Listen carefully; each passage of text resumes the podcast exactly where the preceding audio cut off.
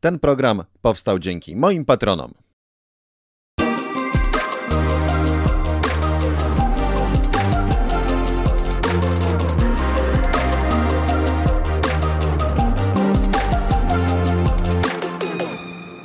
Historia jednego pstryknięcia.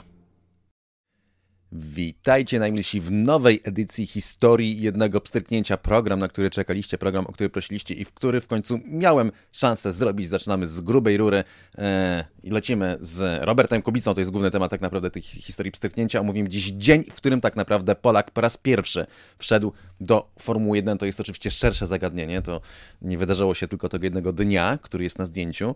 Mm, to był cały proces, trwał latami, ale jeżeli był jakiś jeden moment decydujący w całej karierze Roberta, to był 1 grudnia 2005 roku, dzień, w którym zrobiłem te właśnie e, fotografie. Sam Robert powiedział, pojechałem na ten test jak na zabawę, a dłuższe wspomnienie Roberta na ten temat po latach znajdzie się pod koniec tego materiału, tak więc to jest z komentarzem Roberta Kubicy. Inżynier testowy Renault powiedział wtedy, szczerze mówiąc, początkowo nie mogłem uwierzyć, że osiągnął aż tak dobry czas. Nie pamiętam, aby, aby kiedykolwiek wcześniej jakiś debiutant w naszym tymie był aż tak szybki. To są wypowiedzi z tego właśnie dnia, z 1 grudnia 2005 roku. E, tak to się wszystko zaczynało, jeśli chodzi o wejście do Formuły 1.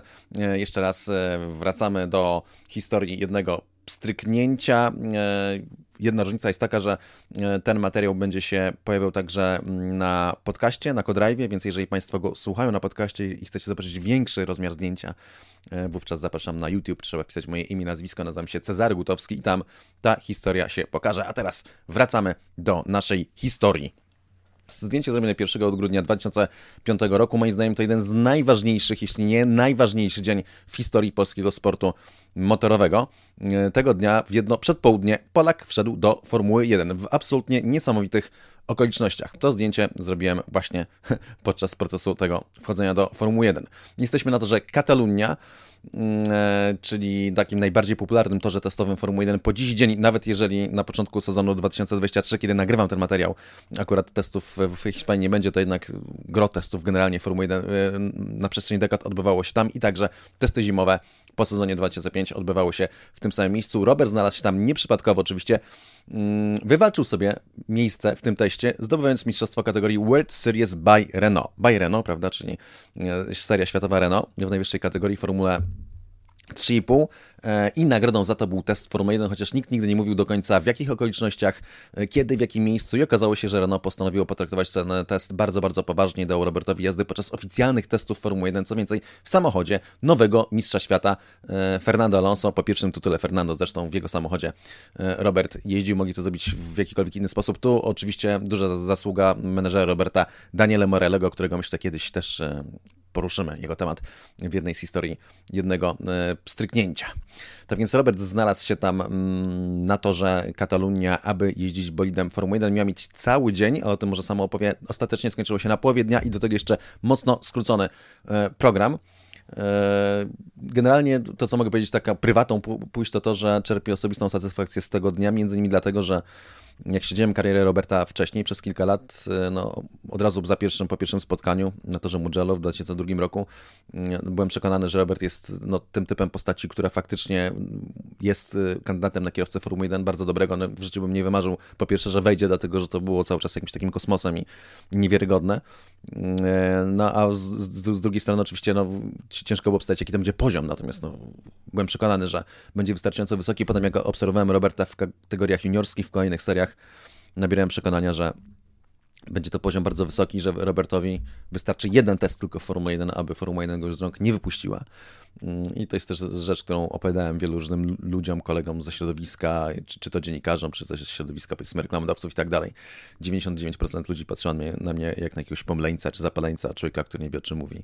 Natomiast okazało się, że de facto no, no, no to ja miałem rację, a chociaż nawet się trochę pomyliłem, dlatego że mówiłem o jednym e, dniu testów, a Robertowi wystarczyło pół dnia i faktycznie po tym dniu Formuła 1 nie wypuściła Roberta z rąk. Kilka dostał propozycji po tym teście, ale to już Robert sam opowie pod koniec e, programu. Tak czy inaczej Robert zrobił to w wielkim stylu, jeśli chodzi o wejście do F1 i w sposób tak wyjątkowy, że, że szczerze mówiąc historia, no ciężko znaleźć w historii inny porównywalny przypadek, żeby kierowca zrobił tak wielkie wrażenie przy pierwszym teście Formuły 1, jakie zrobił właśnie Robert e, w takim dniu.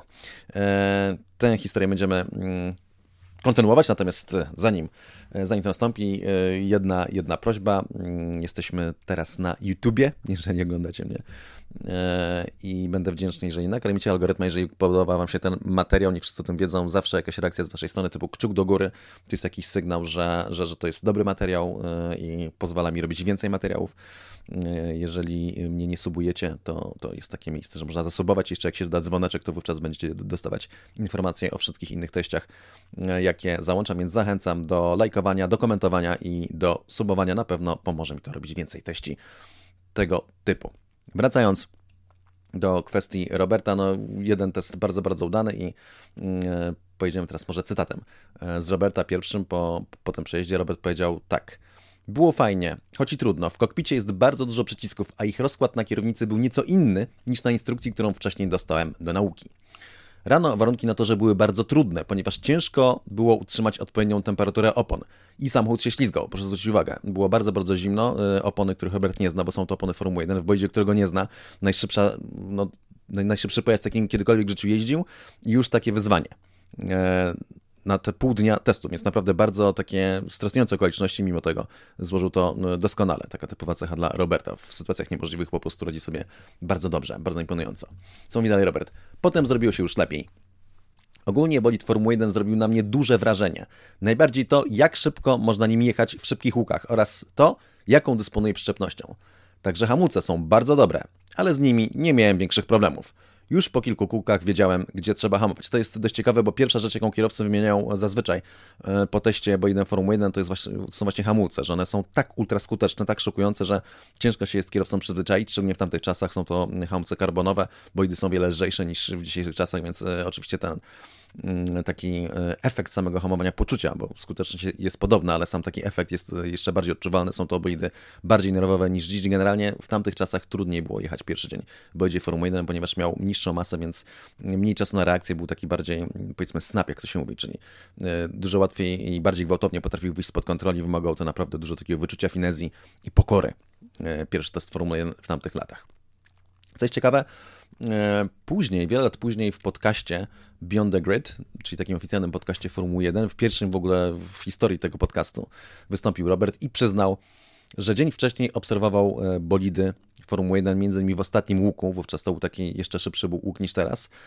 E, I na ten widok powiedział swojemu menedżerowi Moraliemu, że on tak nie da rady. Był po prostu, co tu dużo mówić, przekonany, że, że to przekracza jego możliwości. Natomiast trzymał kamienną twarz tego samego dnia. Ja Roberta spotkałem, dlatego że przyjechałem na tor dzień wcześniej, w przeddzień testów. E, nie było to w planie, natomiast e, fakt jest taki, że przywiozłem Robertowi Mm, Hans, czyli ten system Head and Neck Support, bo Robert jadąc na ten swój pierwszy test Formuły 1 po prostu nie zabrał go z domu, więc został on wysłany z Krakowa do Warszawy pociągiem, odebrałem go na dworcu centralnym, a że i tak leciałem dzień wcześniej do Hiszpanii, do Barcelony, no to zabrałem go po prostu ze sobą, potem wziąłem taksówkę na tor i zawiozłem Robertowi Hansa. Co prawda Robert powiedział, że w razie czego pożyczyłby od kogo innego, ale generalnie cały czas lubię sobie czasem pomyśleć, że miałem ten swój mały, drobniutki wkład w to, że, że ten test był być może dla niego trochę e, wygodniejszy.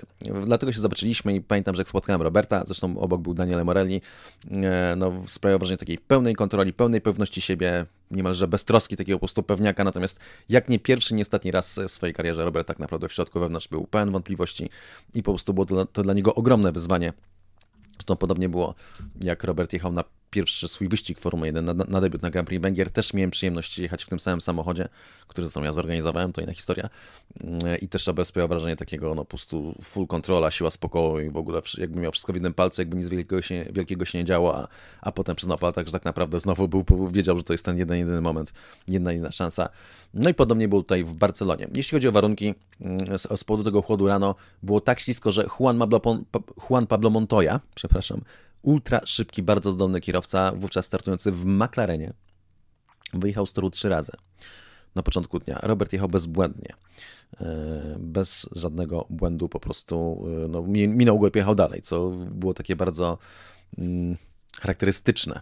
E, I przejechał w sumie 42 okrążenia. Uzyskał szósty czas w całej stawce kierowców Formuły 1, bardzo doświadczonych, a także kierowców testowych za plecami uplasowali się między innymi tacy wyjadacze jak David Coulthard, który jeździł wtedy w Red Bullu, zwycięzca kilkunastu wyścigów Formuły 1, czy też Mark Webber, który jeździł wówczas w Williamsie, natomiast najważniejszy punkt odniesienia to był Frank Montani, regularny kierowca testowy Renault, który miał za zapasem chyba z kilkanaście tysięcy kilometrów w ogóle w tym samochodzie, jeszcze w poprzednich, więc w dziesiątki tysięcy wówczas w Formuły 1 się testowało bardzo dużo.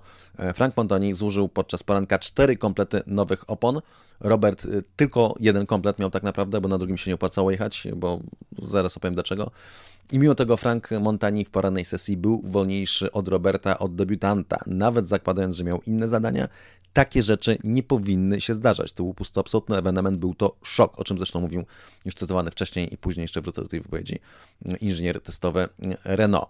E, no, to jest jakby skala tego, z tego debiutu. Jakby jak sprawdzicie e, czasy, bo one są dostępne w sieci z tego dnia, Frank Montani będzie sklasyfikowany wyżej, ale to dlatego, że Montani jeździł przez cały dzień i jeździł też w sesji popołudniowej, w której zresztą były lepsze warunki, więc miało wiele więcej czasu na to, żeby ten czas poprawić. Zresztą niewiele, natomiast w sesji przedpołudniowej, kiedy równocześnie po torze jeździł Robert Kubica, Frank Montani był od niego wolniejszy. Dziś Montani jest zresztą, to były kierowca wyścigowe, dziś jest zresztą ekspertem chyba Kanal Plus w tym momencie, w każdym razie jest to, jest to ekspert telewizyjny, często bawiący w padoku.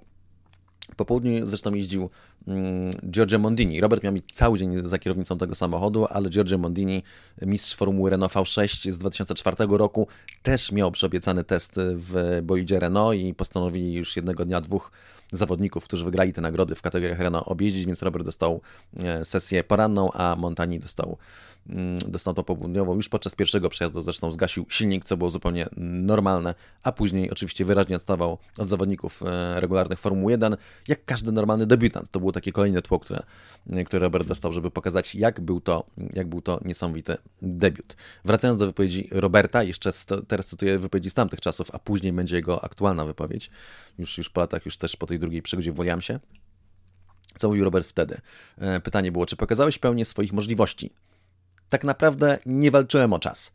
Starałem się po prostu poznawać lepiej samochód i zostawiłem sobie margines błędu. W garażu czekał na mnie jeszcze jeden komplet opon i dopiero na świeżej gumie planowałem pojechać najszybciej jak potrafię. Niestety, pod koniec sesji porannej Ralf Schumacher miał awarię silnika i rozlał olej na ostatnim łuku. Nie było więc sensu powracać na tor, bo i tak nie poprawiłbym czasu. Wielka, wielka szkoda jak sobie człowiek pomyśli, co by mogło się wydarzyć, gdyby ostatecznie na to ostatnie kuku udało się wy, wyjechać. Zdaniem inżyniera Roberta, inżyniera generalnie, przepraszam, inżyniera głównego e, teamu testowego, wówczas Formuła 1 były osobne ekipy do testowania bolidów, e, twierdził, że minimum pół sekundy by Robert z tego wyciągnął. Tyle było w oponach. I na koniec, jakie są Twoje kolejne plany? I co mówi Robert na stan 1 grudnia po swoim pierwszym teście Formuły 1? W sobotę lecę do Paryża, gdzie odbędzie się Race of Champions, czyli wyścig mistrzów słynny. E, nie będę startował, ale mam do odebrania nagrodę za zdobycie mistrzostwa World Series by Renault. Co będę robił potem? Nie mam pojęcia. A potem tak naprawdę Robert już negocjował umowę z ekipą BMW Zauber, która dała mu oczywiście debiut w kolejnym sezonie e, w roku 2006 w trakcie e, sezonu. Natomiast co mówił inżynier? Jest to szef teamu testowego Renault, Christian Silk. E, I szczerze mówiąc, to, to, to, nie są ludzie, którzy jakoś się szczególnie. To inżynierowie to są, szczególnie Formuła 1, ale nie tylko, to są ludzie, którzy raczej patrzą na dane, e, nie unoszą się tak jak ja na przykład, mówiąc w skrócie, nie dają płynności emocjom, są to takie umysły czysto analityczne, nie patrzą w cyfry i w dane i, i to jest dla nich podstawa do oceny sytuacji. E, I rzadko bywają entuzjastyczni. Silk był naprawdę zaskoczony i ten entuzjazm, może nie entuzjazm, ale to, to zaskoczenie z jego po biło, to było widać. I powiedział tak, Pierwszy przejazd w Formuły 1 jest zawsze bardzo trudny.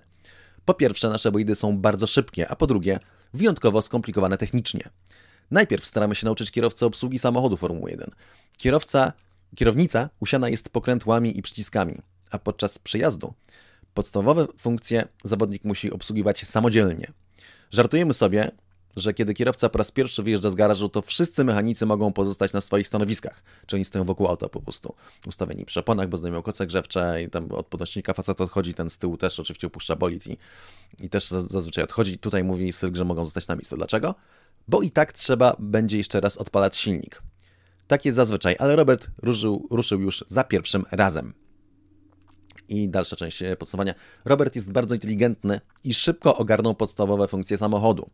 Rano było bardzo zimno i nawet doświadczeni zawodnicy Formuły 1 mają w takich warunkach problemy z utrzymaniem odpowiedniej temperatury opon. Kubica na początku jechał powoli i ostrożnie, a potem stopniowo robił się coraz szybszy.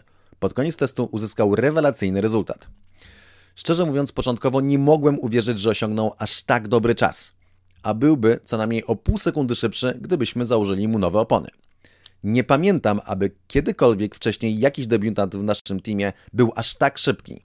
Gdyby zależało to ode mnie, zostawiłbym go w samochodzie już do końca dnia i zaprosił na kolejne testy. Ciekawi mnie, co mógłby zrobić dalej, kiedy w końcu poznałby samochód Formuły 1. To jest to wrażenie, jakie Robert zrobił na pierwszym wejściu do Formuły 1. Absolutnie e, fenomenalne. Robert dostał m.in. propozycję od Renault, zaraz po tym teście, e, żeby zostać jednym z ich kierowców rezerwowych. Taki to był tak naprawdę bardziej taki drugi testowy, czyli, ale to była wtedy gwarancja jazd testowych wielu. To nie jest tak jak teraz, że są po prostu są grube restrykcje na testy. Wówczas testował się bardzo dużo, więc testowałby i byłby w stanie się wykazać dalej. Byłby trzymany w zanadrzu, żeby po prostu zostać na jakimś etapie etapie kierowcą Renault, pewnie wcześniej wpuszczony do innej ekipy, a potem miałby miejsce w Renault, prawdopodobnie tak by to mogło pójść. Natomiast e, Roberta wziął oczywiście BMW Zauber co się odbyło dzięki startowi Roberta w Grand Prix Macau w Formule 3, bezpośrednio wcześniej, bezpośrednio przed tymi testami. Mm, no i oczywiście dzięki wieloletnim e, staraniom także Daniela Morelega, ale to jest już zupełnie inna historia i zupełnie innego jednego pstrychnięcia, na którą zapraszam z całego serca. Później e, to będzie kolejna, chyba ostatnia odpowiedź sezonu na tym etapie. Natomiast na koniec, zanim się z Państwem e, pożegnam, e, zanim puszczę jeszcze wspomnienia Roberta, jeszcze jeden, jedno ogłoszenie. Nie wiem, czy znacie platformę Patronite. Jest to platforma, mm, w której można wspierać różne osoby, między innymi twórców, platforma, na której mam także swoje konto, więc e, jeżeli, jeżeli chcielibyście wesprzeć moją pracę, a akurat e, no, historijnego wstrzyknięcia to jest taki program, który robię w głównej mierze dzięki wsparciu moich patronów, bo jakby ich wsparcie pozwala mi na, na znalezienie czasu na takie rzeczy. Wówczas zapraszam serdecznie patronite.pl. Tam można znaleźć moje konto Cezary Gutowski, są tam opisane progi, na których można mnie wspierać, więc zachęcam. Będzie mi bardzo miło. Do tego jeszcze zapraszam do naszej społeczności. Mamy grupę na Facebooku, mamy grupę na Discordzie, organizujemy spotkania różnego rodzaju, więc zapraszam serdecznie na mój Patronite. A teraz pora puścić wspomnienie Roberta Kubicy. Po latach te wypowiedzi nagrałem podczas balu mistrzów sportu przeglądu sportowego, na którym Robert się e, znalazł. E, nagranie było robione około e, północy, mm, więc ma już swój taki specyficzny klimat, tak więc zapraszam serdecznie. Robert po latach przypomina sobie, co działo się podczas tego historycznego dnia, który dał nam Polaka Formuła 1 tymczasem, tymczasem ja dziękuję uprzejmie za uwagę i do następnej historii jednego pstryknięcia. Do usłyszenia. Kojarzysz te faty, wiesz kiedy to jest? No Barcelona 2005, tak? Zgadza Pewnie 7 grudnia. Albo 8, nie, nie, 1 grudnia. 1 grudnia? No, początek. Na pewno pierwszy? Mi się wydało, że było później. A nie, 1 grudnia, masz. Możliwe. No. Po pierwsze, nie wiem, czy pamiętasz taką rzecz, co przypomnę prywatę, ale pojechałeś ten test bez tego, bez Hansa. Nie, pojecha... nie, nie, nie. Pojechałem na test. Tak, tak. Na test.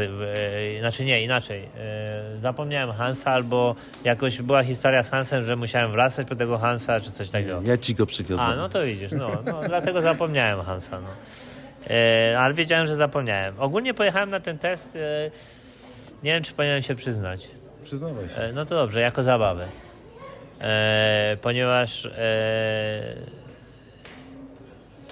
zdają sobie sprawę z tego, jak, jak to było ekstremalne zadanie i jak, jak to jest ekstremalny świat i egzotyczny świat Formuły 1, to tak naprawdę e, nie wiązałem żadnych nadziei z tym testem. E, I może dlatego aż tak dobrze mi poszło. Dużym plusem tych testów był bolid Renault, który pasował mi perfekcyjnie i do dnia dzisiejszego chyba był to najlepszy bolid, który miałem e, w historii prowadzić. Oczywiście nie najszybszy, ale taki... No, Najbardziej ci leżał. Tak. E, zresztą jest zawsze przyczyna. E, wygrywał nim Fernando Alonso, a Fernando Alonso miał bardzo podobny styl jazdy. Bardzo ekstremalny, ale podobny do mojego, do którego jakby łatwo by było się dostosować.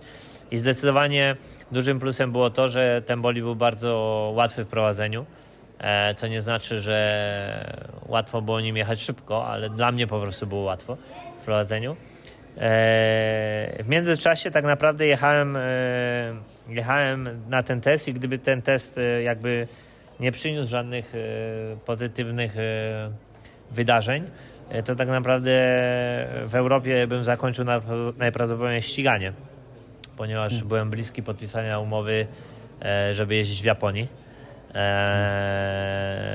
I ponieważ tak naprawdę jedyną kategorią, którą mógłbym pojeździć w Europie w bolidach była Formuła 2.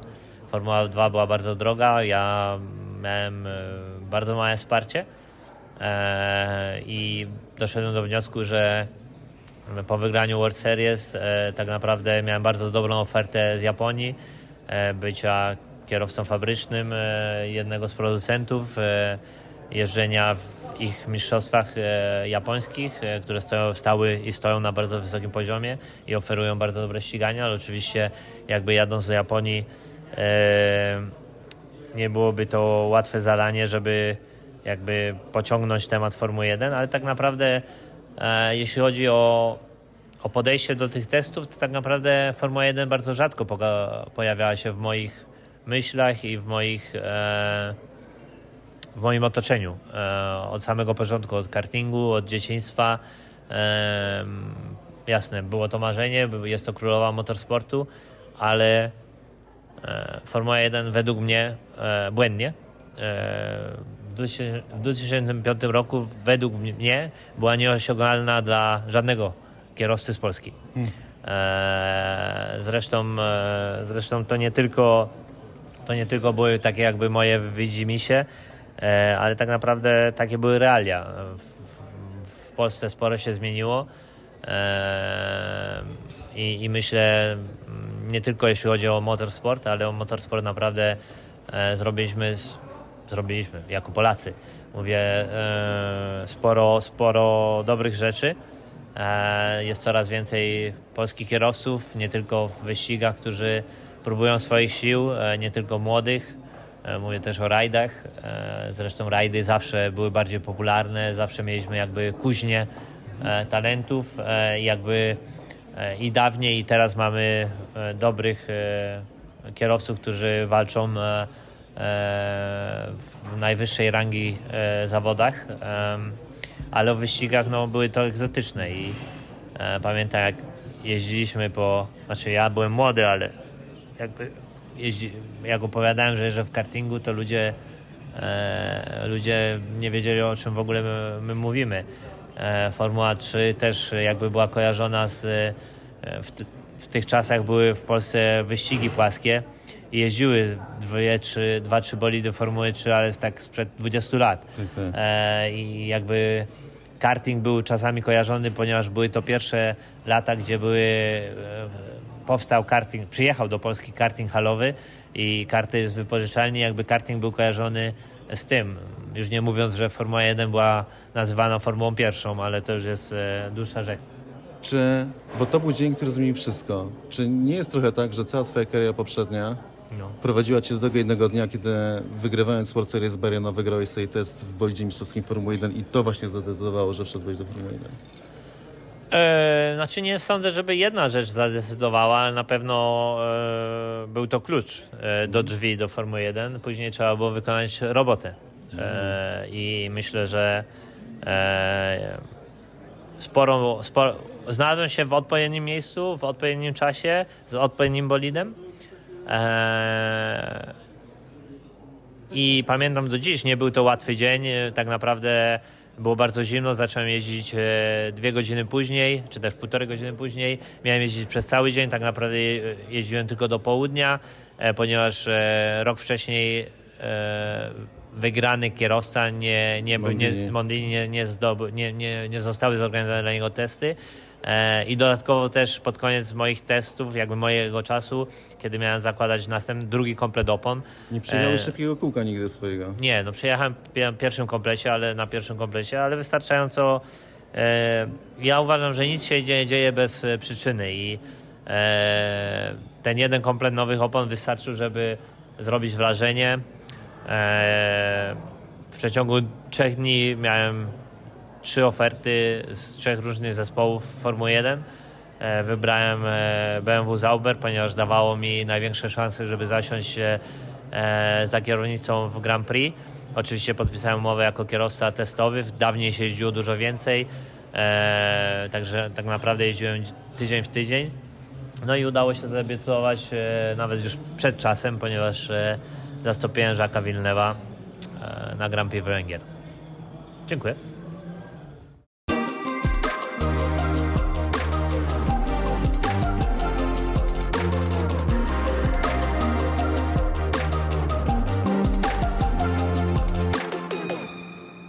Historia jednego pstryknięcia.